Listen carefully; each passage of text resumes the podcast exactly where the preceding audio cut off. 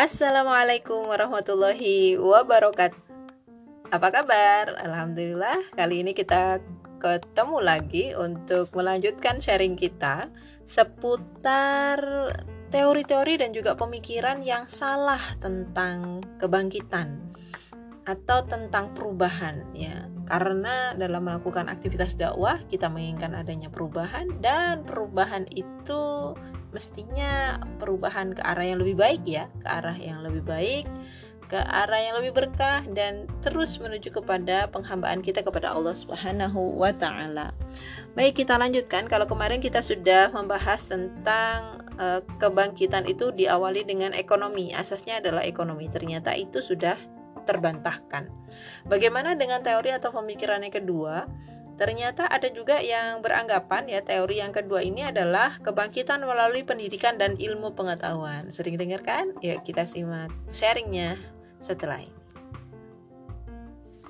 Mereka yang mencetuskan bahwa kebangkitan itu melalui pendidikan dan ilmu pengetahuan mengaitkan kemunduran kita yang begitu gamblang dengan keadaan masih tersebar luasnya angka buta huruf, sedikitnya orang yang berpendidikan, kurangnya sarjana, tidak tersebarnya ilmu-ilmu, dan tidak ada upaya yang benar-benar bisa menyebarkannya.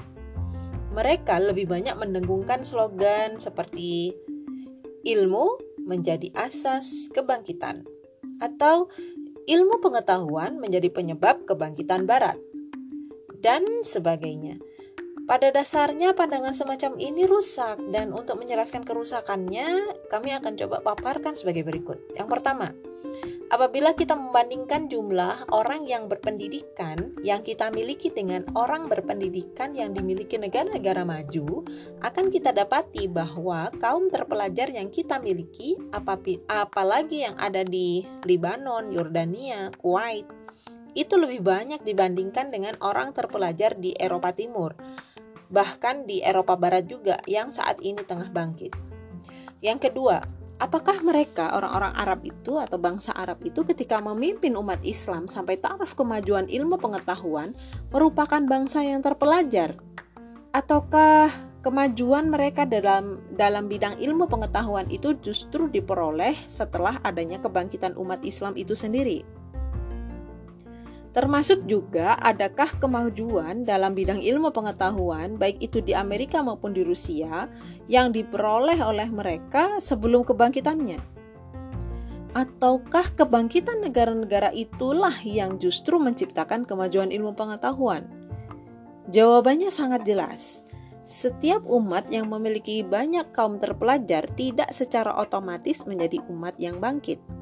Malah ada yang sebaliknya jika tidak begitu, niscaya banyak negeri-negeri kita, yaitu negeri-negeri Muslim, yang akan menjadi negara yang bangkit, dan negeri-negeri Barat menjadi negara yang terbelakang.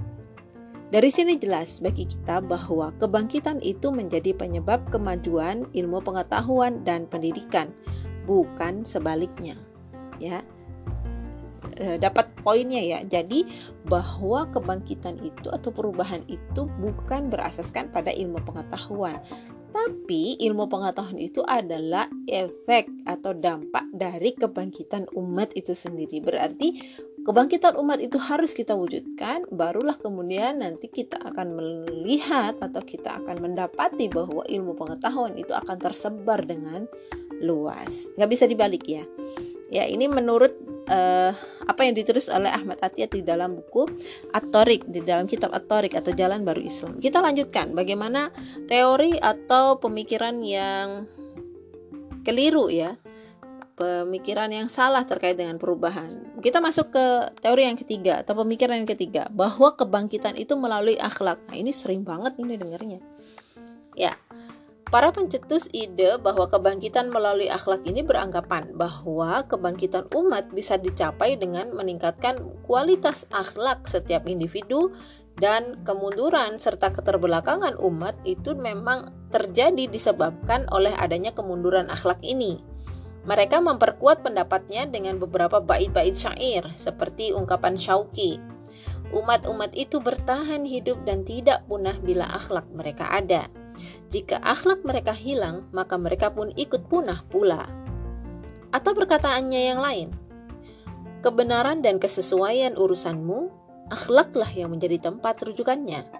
Maka tegakkanlah dirimu dengan akhlak itu, niscaya dengannya engkau akan tegak lurus.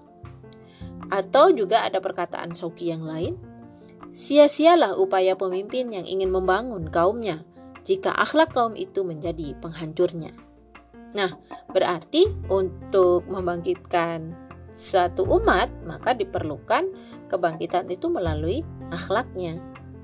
Mereka pun memperkuat kernyataannya dengan nas-nas syara yang berasal dari Al-Quran, seperti firman Allah, A'udzu billahi minasyaitonirrajim wa innaka la'ala khuluqin azim.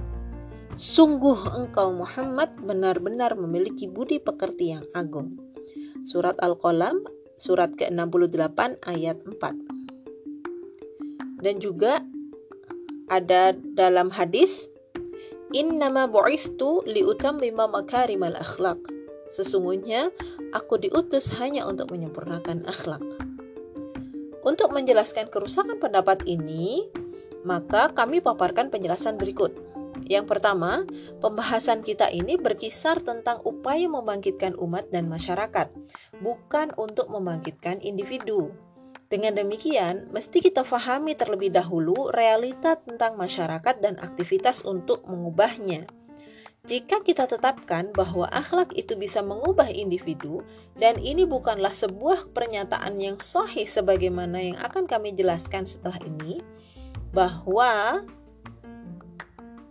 akhlak bisa mengubah individu ini, maka perubahan individu itu tidak membawa pada perubahan masyarakat. Karena masyarakat tidak hanya terbentuk dari individu-individu saja. Masyarakat terbentuk dari individu-individu, ikatan-ikatan yang ada di dalam individu-individu tersebut, dan sistem yang menjaga ikatan-ikatan itu. Sistem ini memungkinkan terjalinnya jenis ikatan apa pun. Karena karena itu agar kebangkitan dan perubahan itu bisa terjadi mesti dibahas tata cara perubahan masyarakat seluruhnya di mana individu menjadi bagian dari masyarakat, sehingga kajian ini tidak boleh hanya berorientasi pada individu saja. Yang kedua, sesungguhnya yang mendorong individu untuk mau menerima dan berpegang teguh pada akhlak bukanlah akhlak itu sendiri, melainkan beberapa faktor di luar perkara akhlak itu. Misalnya, kadangkala seseorang terbiasa berkata jujur, karena ia menganggap bahwa sikap jujurnya itu memiliki manfaat baginya, atau karena bapaknya telah mengajarkan hal itu kepadanya, atau karena masyarakat menghormati sikap jujur, atau karena agama memerintahkan bersikap jujur, dan sebagainya. Berdasarkan hal ini, jika kita menginginkan agar seseorang berakhlak dengan akhlak tertentu, maka kita harus menyeru pada asas yang menjadi sumber munculnya akhlak tersebut. Asas inilah yang menentukan segenap tingkah laku dan perbuatan manusia. Di antaranya adalah akhlak. Yang ketiga, bukti lain yang menunjukkan akhlak bukanlah asas. Bagi sebuah kebangkitan adalah bahwa Al-Quran tidak pernah membicarakan akhlak dalam bentuk lafat ini kecuali hanya dalam ayat wa innaka la'ala khuluqin azim. Sungguh engkau Muhammad benar-benar memiliki akhlak atau budi pekerti yang agung. Surat Al-Qalam ayat 4 para fuqaha kaum muslimin telah menjadikan sebuah bab untuk setiap jenis hukum akan tetapi mereka tidak pernah membuat bab tersendiri di dalam kitab mereka yang membahas tentang akhlak.